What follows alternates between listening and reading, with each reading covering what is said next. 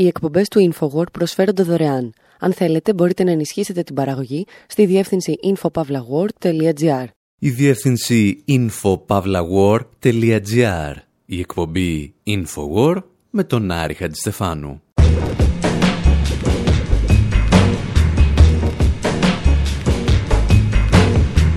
Όπου σήμερα βάζουμε σε ένα κουτί με ραδιενέργεια και ολίγων δηλητήριο μία γάτα και τον πρόεδρο της Ευρωπαϊκής Κεντρικής Τράπεζας Μάριο Ντράγκη για να δούμε ποιος θα επιβιώσει. Υποπτευόμαστε ότι δεν μπορείς να είσαι ταυτόχρονα νταβατζής και ιερόδουλη του ίδιου τραπεζικού συστήματος, αλλά με έκπληξη διαπιστώνουμε ότι ορισμένοι τα έχουν καταφέρει παρουσιάζουμε τα συμπεράσματα μιας νέας αποκαλυπτικής έρευνας για τις περιστρεφόμενες πόρτες που συνδέουν την Ευρωπαϊκή Ένωση με τις μεγαλύτερες τράπεζες της Ευρώπης. Συνομιλούμε με τον ερευνητή Γιώργο Βασάλο και μας μπαίνουν κάποιες ιδέες για το πού πηγαίνουν και κυρίως ποιοι διαχειρίζονται τα χρήματα που δίνουμε κατά διαστήματα για να σώζουμε ιδιωτικές τράπεζες. Και τώρα που σας έχουμε μαζεμένους, σας προσκαλούμε και στο πάρτι που διοργανώνουμε την 5η 26 Απριλίου στο μπαρ Ρινόκερο στην Αθήνα. Να συζητήσουμε και να πιούμε για το νέο μας δημοσιογραφικό project, το οποίο ακούει στο όνομα Make the Economy Scream.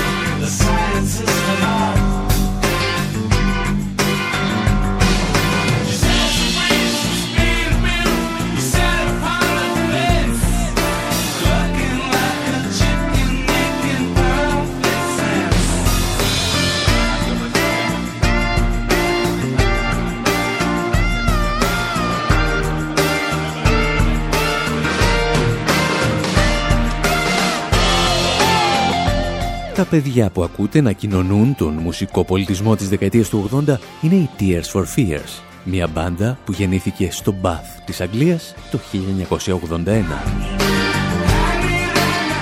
Με λύπη τους μας ανακοινώνουν ότι για τον περισσότερο κόσμο η γάτα του Σρέντιγκερ είναι νεκρή και αυτό είναι το μόνο που καταλαβαίνουμε από τους ελαφρώς ακατάληπτους στίχους του τραγουδιού. Η γάτα του Σρέντιγκερ, εάν δεν τη γνωρίζετε, είναι ένα νοητικό πείραμα το οποίο στηρίζεται στην κβαντομηχανική και εξετάζει το ενδεχόμενο ένα σώμα να μπορεί να βρίσκεται ταυτόχρονα σε δύο διαφορετικές καταστάσεις.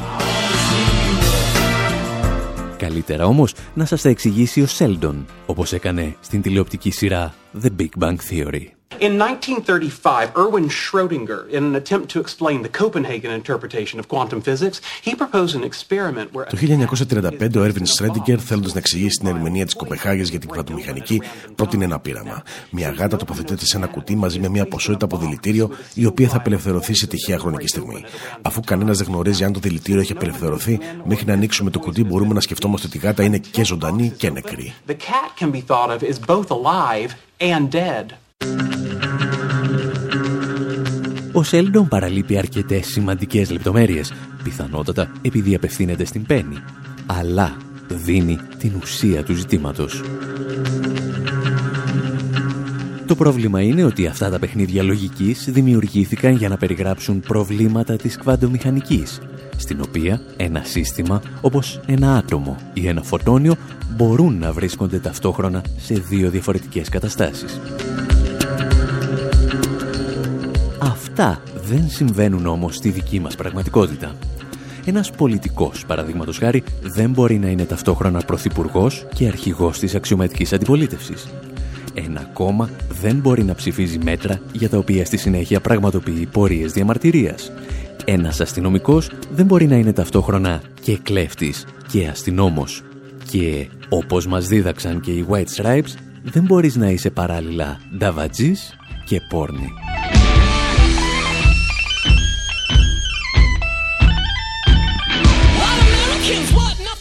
Αυτά όμως που δεν ισχύουν στην καθημερινότητά μας ισχύουν όπως φαίνεται στο κβαντικό κόσμο της Ευρωπαϊκής Ένωσης. Εκεί ένας αξιωματούχος μπορεί να είναι ταυτόχρονα κλέφτης και αστυνόμος, ελεγκτής και ελεγχόμενος, νταβατζής και πόρνη.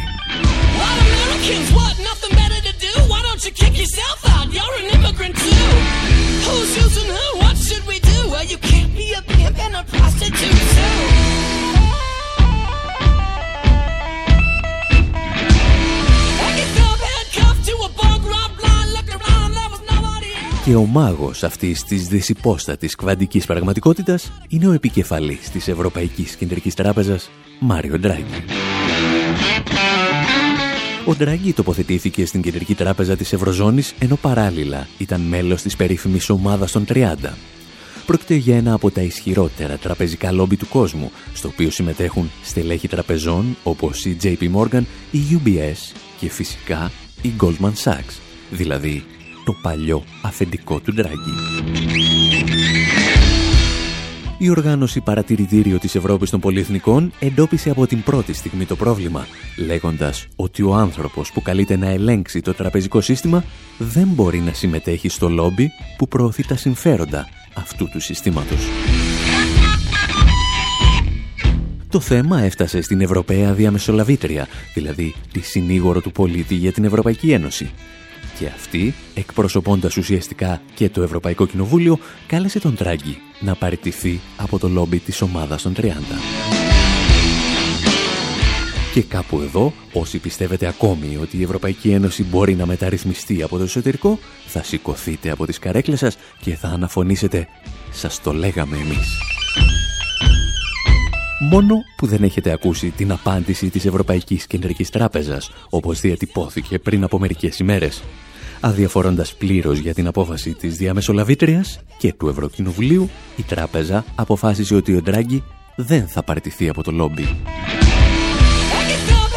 Τα εξηγούσε ο ερευνητής και συνεργάτης του Infowar Γιώργος Βασάλος από τις Βρυξέλλες. Έχουμε την Ευρωπαία Διαμεσολαβήτρια που υποτίθεται είναι ένα όργανο του Ευρωπαϊκού Κοινοβουλίου και ένα, ένα όργανο με το οποίο οι πολίτες της Ευρωπαϊκής Ένωσης μπορούν να υποβάλουν αιτήματα κατευθείαν στους ευρωπαϊκούς ε, θεσμούς και έχουμε μια ε, ολική άρνηση από πλευράς της Ευρωπαϊκής Κεντρικής Τράπεζας που λέει όχι, ο Μάριο Ντράγκη δεν θα παραιτηθεί από αυτό το λόμπι. Έχουμε μια περιφρόνηση, μια ολική περιφρόνηση ε, των δημοκρατικών θεσμών. Οι τράπεζες κυβερνάνε μέσω των ευρωπαϊκών οργανισμών και οι ευρωπαϊκοί οργανισμοί κυβερνάνε μέσω ε, των τραπεζών. Η συνήγορος του Ευρωπαίου πολίτη λοιπόν αποφαίνεται ότι ο Ντράγκη δεν μπορεί να είναι ταυτόχρονα κεντρικός τραπεζίτης και λομπίστας των τραπεζών και η Ευρωπαϊκή Κεντρική Τράπεζα την γράφει στα παλαιότερα των υποδημάτων της. Και αν μας ρωτήσετε γιατί το κάνει, η απάντηση είναι γιατί μπορεί.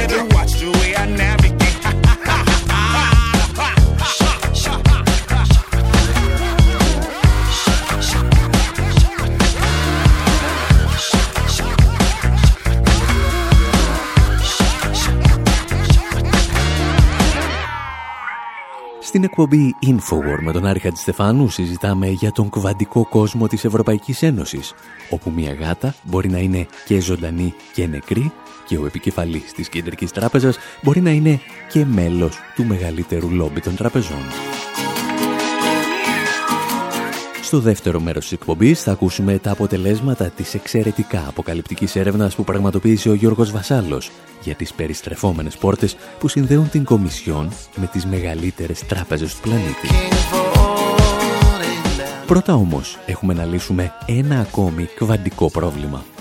Εάν ένας ληστής τραπεζών μπορεί να είναι ταυτόχρονα και ο αστυνομικός που τον κυνηγά για να τον συλλάβει. Ο άνθρωπος που συνήθως καλείται να απολογηθεί για το γεγονός ότι η Κομισιόν έχει γίνει λιμέρι για τα στελέχη των μεγαλύτερων τραπεζών είναι προφανώς ο πρόεδρος της Ευρωπαϊκής Επιτροπής, Ζαν Κλοντ Juncker. Ο οποίος, εάν θυμάστε, έχει υπάρξει και πρωθυπουργός του μεγαλύτερου πλυντηρίου βρώμικου χρήματος που έχει γνωρίσει η Ευρώπη, δηλαδή του Λουξεμβούργου. Και ο ίδιος δεν φαίνεται να έχει κανένα πρόβλημα με αυτό. Όπως είχε πει κάποτε, οι ληστές τραπεζών γίνονται οι καλύτεροι αστυνομικοί. Oui, enfin, on, on dit souvent que les braqueurs et les braconniers. Euh, Λέμε συχνά ότι ένας ληστής τραπεζών είναι ο καλύτερος υπάλληλος στην αστυνομία.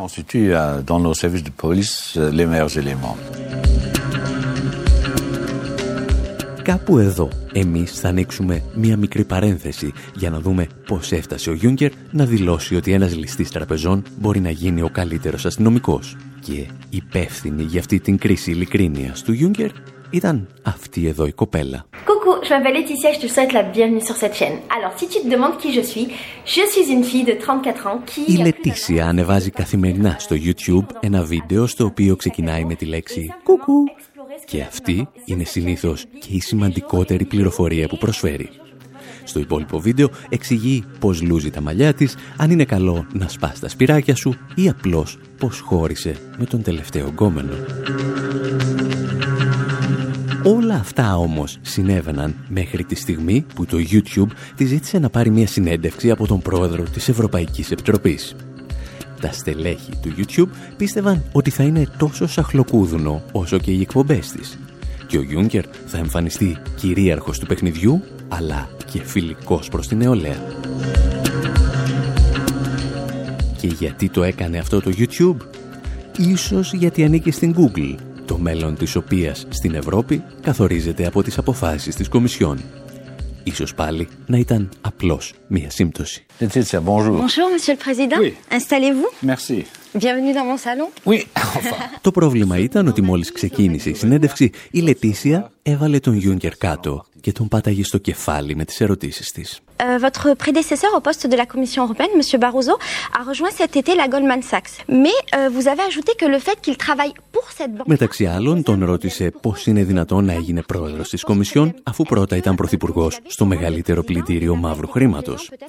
Τον ρώτησε επίσης πώς δικαιολογεί το πέρασμα του Μπαρόζο στην Goldman Sachs και γιατί οι πολυεθνικές επιχειρήσεις δεν πληρώνουν φόρους στο εσωτερικό της Ευρωπαϊκής Ένωσης. ή γιατί συνεχίζουν να μολύνουν ανενόχλητες. ou comme Pepsi, de rapatrier tous leurs profits réalisés dans les pays de Βλέποντας ότι ο Γιούγκερ έκανε την μπάλα, οι υπεύθυνοι του YouTube διέκοψαν το πρόγραμμα και απείλησαν τη Λετήσια ότι αν δεν κάνει πιο εύκολες ερωτήσεις, θα πρέπει να ξεχάσει την καριέρα της στο ίντερνετ. Μόνο που η Λετήσια ηχογραφούσε και αυτές τις απειλές. Mais ça, donc, euh, comme je te dis, on va en parler à Natacha. hein. Donc il y a toujours un risque qu'il y ait un red flag. Il y a un réflexe, ça veut dire Red quoi flag. Πρέπει να δείξω τις ερωτήσεις στον εκπρόσωπο τύπου του Juncker, οπότε είναι πολύ πιθανό να τις κόψουν. Δεν θέλεις να βρεθείς αντιμέτωπη με το YouTube και την Ευρωπαϊκή Επιτροπή. Εκτός φυσικά εάν δεν θέλεις να συνεχίσεις την καριέρα σου στο YouTube. Enfin, sauf si euh, tu peux pas faire long feu euh, sur YouTube, mais Την επόμενη ημέρα συνέβη κάτι αναπάντεχο. Οι υπεύθυνοι του YouTube κάλεσαν την Λετήσια στα γραφεία τους και της έδωσαν ένα φάκελο με 25.000 ευρώ. Αυτό τουλάχιστον ισχυρίστηκε η ίδια. Mais euh, depuis, c'est passé quelque chose de fou et j'aimerais vous en parler. J'avais rendez-vous le lendemain chez YouTube et euh, j'étais pas super à l'aise parce que j'étais. Μετά τη συνέντευξη, συνέβη κάτι για το οποίο ήθελα να σας μιλήσω. Την επόμενη μέρα με κάλεσαν στα γραφεία της εταιρείας. Δεν αισθανόμουν άνετα γιατί ήμουν σίγουρη πως γνώριζαν ότι είχα βιντεοσκοπήσει τον υπάλληλό τους. Όταν έφτασα όμως, μου είπαν ότι είχα δίκιο να κάνω τις ερωτήσεις και μου πρόσφεραν ένα συμβόλαιο που πάντα ονειρευόμουν. Μου πρότειναν να γίνω πρέσβυρα του YouTube για ένα χρόνο και μου έδωσαν ένα φάκελο με 25.000 ευρώ για να κάνω τις δικές μου παραγωγές. Τι είχε συμβεί; Μου έδωσαν τα λεφτά για να μην δημοσιοποιήσω το βίντεο ή το είχαν αποφασίσει από πριν. Σε κάθε περίπτωση αποφάσισα όμως να μην υπογράψω. Δεν πίστευα ποτέ ότι θα προσπαθούσαν να με χειραγωγήσουν και ότι θα με απειλούσαν με αυτόν τον τρόπο. Και φυσικά δεν πρόκειται να σιωπήσω. Δεν θέλω να απολύσουν τον άνθρωπο που με απείλησε, γιατί απλώς έκανε τη δουλειά που του ανέθεσε το YouTube, το οποίο θέλει να διατηρεί καλές σχέσεις με την Κομισιόν.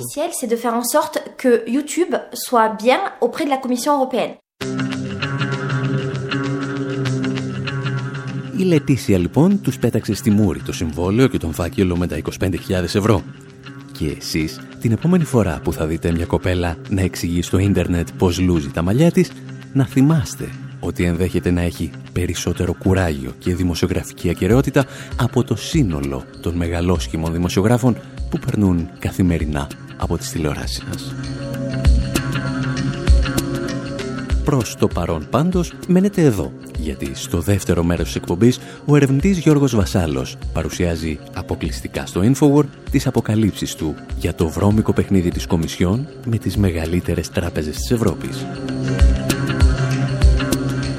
Και παρεπιπτόντος, εάν στις 26 Απριλίου σας φέρνει ο δρόμος σας προς την Αθήνα, να θυμάστε ότι σας περιμένουμε στο μπαρ Ρινόκερος, Ασκληπίου 22, από τις 9 το βράδυ σε ένα μεγάλο πάρτι για το νέο δημοσιογραφικό project μας με τίτλο Make the Economy Scream.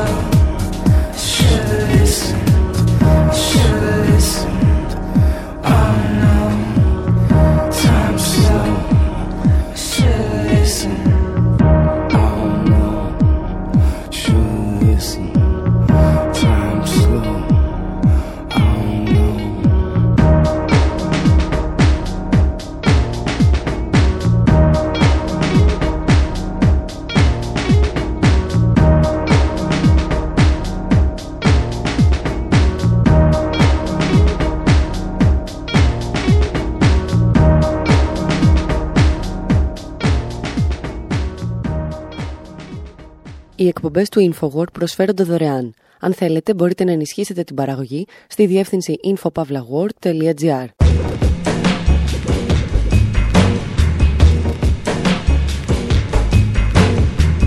Εκπομπή InfoWord, μέρος δεύτερο. Όπου σήμερα ακούμε ιστορίες για τις περιστρεφόμενες πόρτες που συνδέουν την Κομισιόν με ορισμένες από τις μεγαλύτερες τράπεζες του πλανήτη. Είδαμε πρώτα τον Μάριο Ντράγκη, πρόεδρο της Ευρωπαϊκής Κεντρικής Τράπεζας, να καταφέρνει να στέκεται και από τις δύο πλευρές της πόρτας. Και ως κεντρικός τραπεζίτης και ως μέλος της ομάδας των 30, ίσως του μεγαλύτερου τραπεζικού λόμπι της εποχής μας.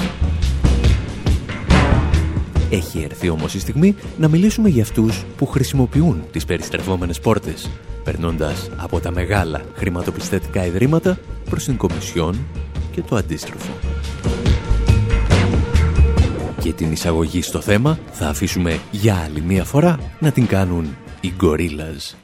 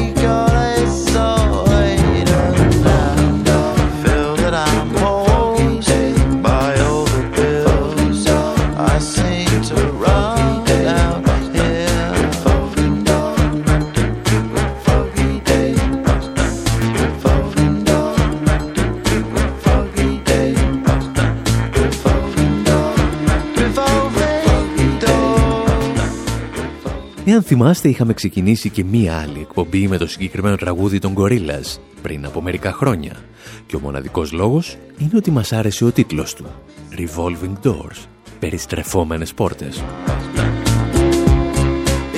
Είχαμε εξηγήσει και τότε πως αν και η συγκεκριμένη εφεύρεση γεννήθηκε στη Γερμανία το 1881, οι περιστρεφόμενες πόρτες εδρεώθηκαν μαζί με τους ουρανοξύστες στις Ηνωμένες Πολιτείες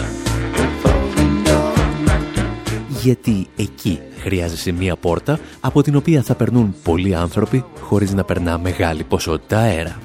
Σε διαφορετική περίπτωση προκαλείται το λεγόμενο φαινόμενο της καμινάδας, δηλαδή πανίσχυρα ρεύματα αέρα διατρέχουν το κτίριο παίρνοντας τα χαρτιά από τα γραφεία μας.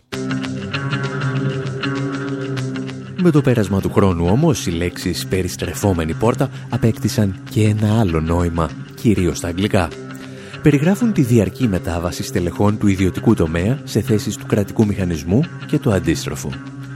Για αυτή τη νέα ερμηνεία θελήσαμε να ακούσουμε τι έχει να μας πει ο ερευνητής Γιώργος Βασάλος από τις Βρυξέλλες. Ναι, οι περιστρεφόμενες πόρτες είναι όταν ε, στελέχη και οι δήμονες ε, σε συγκεκριμένους τομείς ε, αλλάζουν στρατόπεδο εντός εισαγωγικών και πάνε είτε από τον ιδιωτικό τομέα στον δημόσιο είτε από τον δημόσιο στον ιδιωτικό αλλά μέσα στα πλαίσια του ίδιου κλάδου. Δηλαδή, στην ουσία τις ε, εταιρείες που ρύθμιζαν όταν δούλευαν για τον δημόσιο τομέα πάνε να δουλέψουν σε αυτές ή αντιστρόφως έρχονται από τις εταιρείες που ρύθμιζε ο συγκεκριμένος, ε, η συγκεκριμένη δημόσια διοίκηση και δουλεύουν για αυτή τη δημόσια διοίκηση.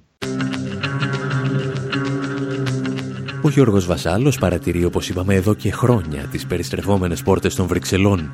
Μπορείτε μάλιστα να βρείτε παλαιότερα κείμενά του στη στήλη «Διάδρομοι Βρυξελών» στο info.pavlawar.gr Στην τελευταία έρευνά του όμως προχώρησε ένα βήμα περισσότερο και αυτό που ανακάλυψε ενδέχεται να σας τρομάξει. Η έρευνα που κάναμε για τις ε, περιστρεφόμενες πόρτες στη Γενική Διεύθυνση Χρηματοπιστωτικής Ρύθμισης ε, της Κομισιόν ε, μπορεί να συνοψιστεί στα εξής. Είχαμε πέντε διευθυντές οι οποίοι έχουν ήδη φύγει από την Κομισιόν. Τέσσερις από τους πέντε αυτούς ανθρώπους όταν έφυγαν πήγαν να δουλέψουν για χρηματοπιστωτικές εταιρείες ή για εταιρείες lobbying που εκπροσωπούν χρηματοπιστωτικές εταιρείες οι άνθρωποι που διεύθυναν τη συγγραφή όλης της μεταρρύθμισης του πλαισίου λειτουργίας των χρηματοπιστωτικών αγορών μετά την κρίση κατέληξαν να δουλεύουν για τη χρηματοπιστωτική βιομηχανία στο τέλος της καριέρας τους. Αν όμως πάρουμε συνολικά τους 60 ανθρώπους που ήταν στα κορυφαία πόστα της Γενικής Διεύθυνσης Χρηματοπιστωτικής Ρύθμισης, αν συμπεριλάβουμε δηλαδή και τους προϊσταμένους τμήματων και τους προϊσταμένους μονάδων, έχουμε 19 από τους 61 που έρχονταν ε, από χρηματοπιστωτικές ε, εταιρείες είτε πήγαν σε αυτές αφού άφησαν ε, την Κομισιόν. Έχουμε λοιπόν ένα τρίτο των ανώτερων ε, πόστων αυτής της διεύθυνσης που έχει διέλθει από τις περιστρεφόμενες πόρτες. Τέσσερις στους πέντε διευθυντές λοιπόν, στους οποίους η μεγάλη ευρωπαϊκή οικογένεια ανέθεσε να ελέγχουν το χρηματοπιστωτικό σύστημα, σήμερα εργάζονται για το ίδιο χρηματοπιστωτικό σύστημα. Αυτή τη φορά ήταν οι αστυνόμοι που έγιναν κλέφτες και αυτό που πέτυχαν σε ένα παράλληλο σύμπαν δικαιοσύνης ίσως και να αποτελούσε σκάνδαλο. Όχι όμως και στο σύμπαν της Ευρωπαϊκής Ένωσης. Θα δούμε όμως τα συγκεκριμένα παραδείγματα ύστερα από αυτό.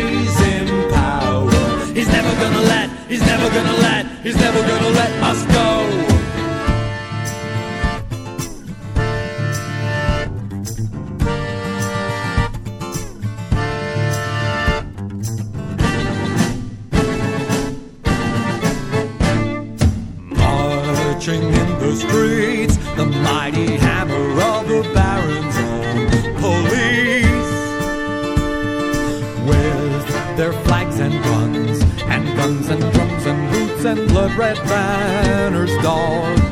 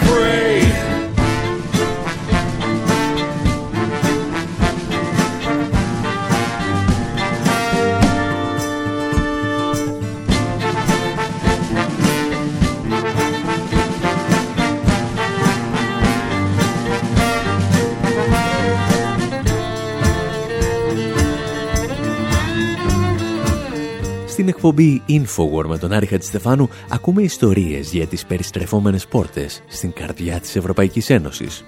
Έχουμε πιάσει κουβέντα με τον ερευνητή Γιώργο Βασάλο, τον οποίο θα θυμάστε και από τον ντοκιμαντέρ μας This is not a coup. Εκεί μας εξηγούσε πως ένα λόμπι τραπεζιτών και βιομηχάνων έριξε την ιδέα και απέτησε τη δημιουργία του ευρώ. Σήμερα μας μιλά για τα στελέχη της Κομισιόν που γίνονται λομπίστες και τους λομπίστες που περνούν καθημερινά τις πόρτες της Ευρωπαϊκής Επιτροπής. Και η πρώτη ιστορία που θέλησε να μας διηγηθεί από την τελευταία έρευνά του αφορά τα hedge funds και πώς αυτά έφτασαν να χτυπούν τις πόρτες των τραπεζών μας. Είχαν λέει μαζί τους μια παλιά καραβάνα της Κομισιόν. Έχουμε για παράδειγμα τον Τζέχο Γύρι Κρόλ που το 2009 πήρε απόσπαση, ήταν ε, υπάλληλος της Κομισιόν, πήρε απόσπαση για την Τσεχική Προεδρία, άρχισε να διαπραγματεύεται το πρώτο νομοθέτημα μετά την κρίση για λογαριασμό της Τσεχικής Προεδρίας και για λογαριασμό του Συμβουλίου, του Ευρωπαϊκού Συμβουλίου, το οποίο νομοθέτημα στόχευε στο να ε, ρυθμίσει περισσότερο τα αμοιβαία κεφάλαια, τα λεγόμενα hedge funds. Το 2010 ο συγκεκριμένος άφησε την Κομισιόν και την Τσεχική Προεδρία και έγινε λομπίστας των hedge funds. Έγινε, είναι αυτή τη στιγμή ο κύριος λομπίστας των hedge funds ε, στις Βρυξέλλες, της Ομοσπονδίας ε, όλων, των, όλων των hedge funds.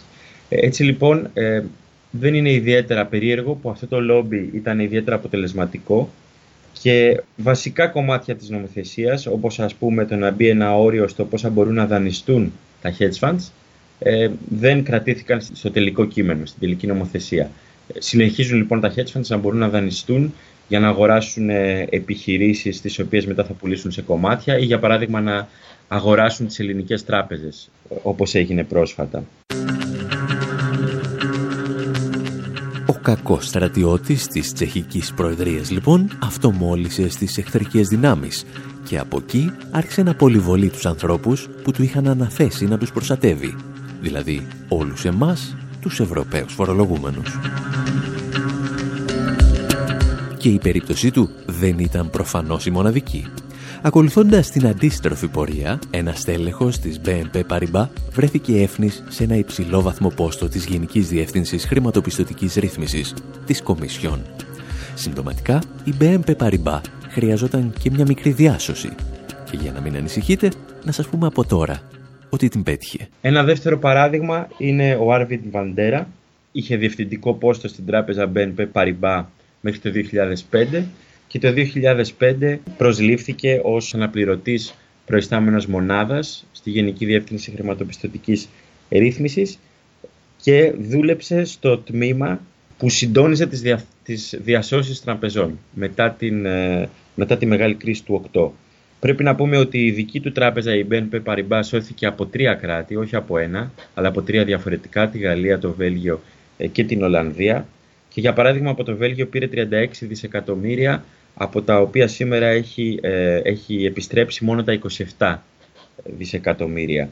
Και κατά τη διάρκεια αυτή η BNP Paribas, από εκεί που κειμενόταν στην τέταρτη, στην πέμπτη θέση των τραπεζών στην Ευρώπη, σε περιουσιακά στοιχεία ή σε τζίρο, κατέληξε σήμερα να είναι πρώτη με δεύτερη. Δεν μπορούμε να ξέρουμε ακριβώς ε, ποια ήταν η δράση του Βαλντέρα, αλλά ξέρουμε ότι ε, σε κάθε περίπτωση ο τρόπος με τον οποίο η Ευρωπαϊκή Ένωση διαχειρίστηκε τις διασώσεις ε, των τραπεζών ήταν ένα, ένας τρόπος ιδιαίτερα ωφέλιμος για τον πρώην εργοδότη του. Και το 2010 είχαμε και άλλο στέλεχος, και άλλο πρώην στέλεχος της BNP Paribas, τη Φελίσια Στανέσκου, που και αυτή μπήκε στην, στη Γενική Διεύθυνση Χρηματοπιστωτικής Ρύθμισης.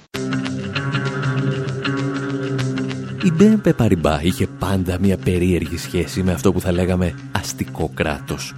Ένα από τα συστατικά της στοιχεία, η BNP, δημιουργήθηκε αμέσως μετά τη Γαλλική Επανάσταση του 1848 και στόχος της ήταν ακριβώς να αντιμετωπίσει την αναταραχή που προκάλεσε η Επανάσταση. Άλλα συστατικά στοιχεία πέρασαν από περιόδους εθνικοποιήσεων και αποκρατικοποιήσεων Μόνο χάρη στην Ευρωπαϊκή Ένωση όμως, μια τράπεζα κατάφερε να βάλει τόσο βαθιά το χέρι της στην τσέπη των Ευρωπαίων φορολογούμενων και μάλιστα να αναδειχθεί νικητής της μεγαλύτερης κρίσης που έχει γνωρίσει ο καπιταλισμός τον τελευταίο αιώνα. Εμείς τις βγάζουμε το καπέλο που μας την έφερε έτσι και επιστρέφουμε ύστερα από ένα τραγουδάκι.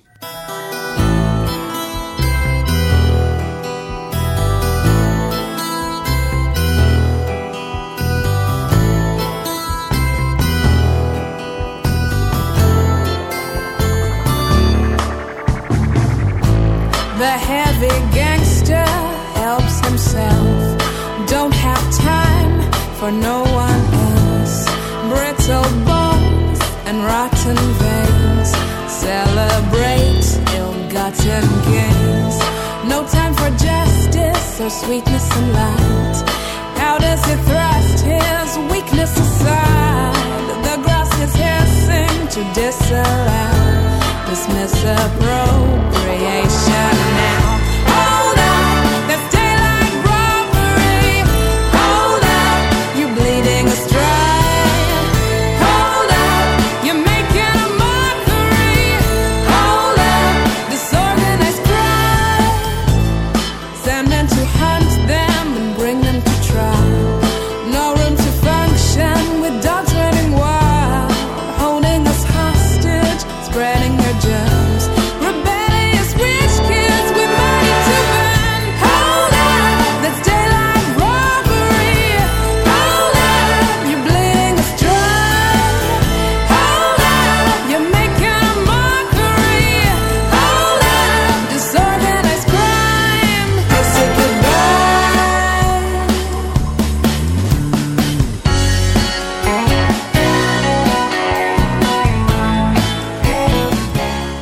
Εκπομπή Infowar με τον Άρη Χατζηστεφάνου ακούμε τα συναρπαστικά αποτελέσματα της τελευταίας έρευνας του Γιώργου Βασάλου για τις περιστρεφόμενες πόρτες στην Ευρώπη. Μια έρευνα που δημοσιεύτηκε και στο Ευρωπαϊκό Παρατηρητήριο της Ευρώπης των Πολυεθνικών και για την οποία διαβάσατε πρώτη στην Ελλάδα και την Κύπρο από το info.pavlawar.gr Έχει έρθει όμως η στιγμή να ακούσουμε το τρίτο σημαντικότερο παράδειγμα μιας περιστρεφόμενης πόρτας. Από αυτές που φέρνουν τους κομισάριους της Ευρωπαϊκής Ένωσης πιο κοντά στους λομπίστες των τραπεζών. Από την BNP Paribas της Γαλλικής Επανάστασης του 1848 έχει έρθει η στιγμή να μιλήσουμε για την Deutsche Bank. Την τράπεζα που μεταξύ άλλων προσπαθεί να ξεχάσει ότι στον Δεύτερο Παγκόσμιο Πόλεμο έκλεβε τις περιουσίες Εβραίων στη ναζιστική Γερμανία. Τέλος, τρίτο παράδειγμα, ε, έχουμε τον Λί Φάουλτζερ που το 2009 πήρε απόσπαση από το Βρετανικό Υπουργείο Οικονομικών ε, στην Κομισιόν άρχισε να δουλεύει πάνω στη μεταρρύθμιση των κανόνων διαφάνειας της αγοράς. Ε, είναι η πιο γκώδης νομοθεσία που υιοθέτησε η Ευρωπαϊκή Ένωση ως αντίδραση στην κρίση, η οποία μπήκε σε εφαρμογή μόλις φέτος, 10 χρόνια μετά, ε, και η οποία ε, επανεξέταζε το ποια πρέπει να είναι τα στοιχεία που πρέπει να δημοσιεύουν οι συναλλασσόμενοι στις χρηματοπιστωτικές αγορές, τις προσφορές, την τελική τιμή, το μέγεθος της συναλλαγής και ποιοι πρέπει να εξαιρούνται ε, από αυτή τη διαφάνεια. Ε, ο στόχος της νομοθεσίας ήταν ο περιορισμός αυτών που λέμε σκοτεινών αγορών, δηλαδή των αγορών για τις οποίες δεν υπάρχουν δημόσια στοιχεία, οι οποίες έχουν γιγαντωθεί ε, τα τελευταία 10 με 20 χρόνια. Ε, ο Λί ε, Φάουλτζερ δούλεψε λοιπόν πάνω σε αυτό από το 2009 μέχρι το 2011 και το 2011 προσλήφθηκε από την Deutsche Bank και έγινε ο κύριος λομπίστας της Deutsche Bank στις Βρυξέλλες. Και το 2014 ε, όταν ε, ανέλαβε ο Βρετανός ε, Επίτροπος John Hill πήγε να δουλέψει στο γραφείο του, ήταν κατά κάποιο τρόπο το δεξί χέρι του Επιτρόπου ακριβώς πάνω σε αυτά τα θέματα της διαφάνειας των χρηματοπιστωτικών, των χρηματοπιστωτικών αγορών. Και εδώ πρέπει να πούμε ότι παρότι η νομοθεσία ε, ήταν, είναι, είναι ιδιαίτερα αδύναμη και μεγάλα κομμάτια των παραγόγων και άλλων περίπλοκων προϊόντων θα συνεχίσουν να μένουν εκτός ε, διαφάνειας, η ατζέντα του Επιτρόπου Χιλ ήταν ε, να στηρίξει ανοιχτά την επανεκκίνηση των σκοτεινών αγορών ε, και κάθε ε, άλλου είδους ε, φούσκας που παρατηρήθηκε πριν το 2008, μια συμπεριφορά σαν να μην είχε συμβεί ποτέ η κρίση του 8. Εάν αναρωτιέστε λοιπόν πώς κατάφεραν τα hedge funds να μπορούν να εξαγοράζουν ανακεφαλαιοποιημένες από εσάς τράπεζες χωρίς καμία ουσιαστική ρύθμιση του χρηματοπιστωτικού συστήματος, να θυμάστε ότι υπάρχει μια περιστρεφόμενη πόρτα που φέρνει τραπεζίτες στην Κομισιόν και κομισάριους στις τράπεζες.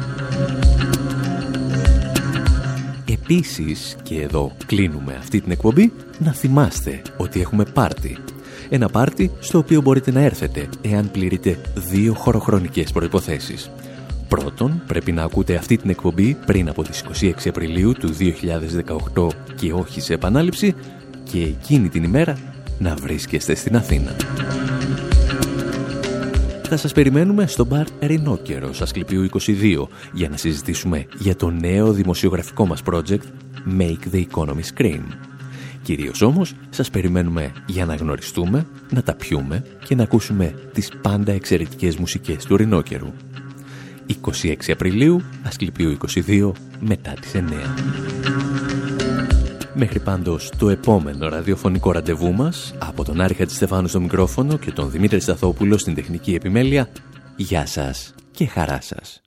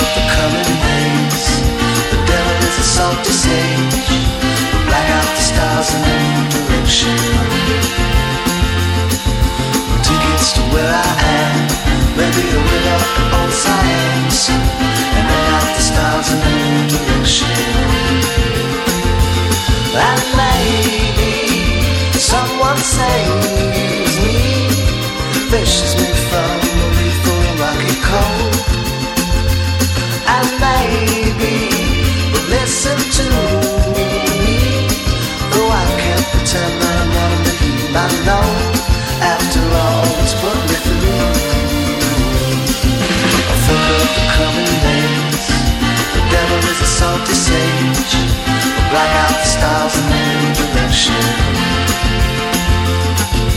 Tickets to where I am Maybe a river and all science And the stars in the direction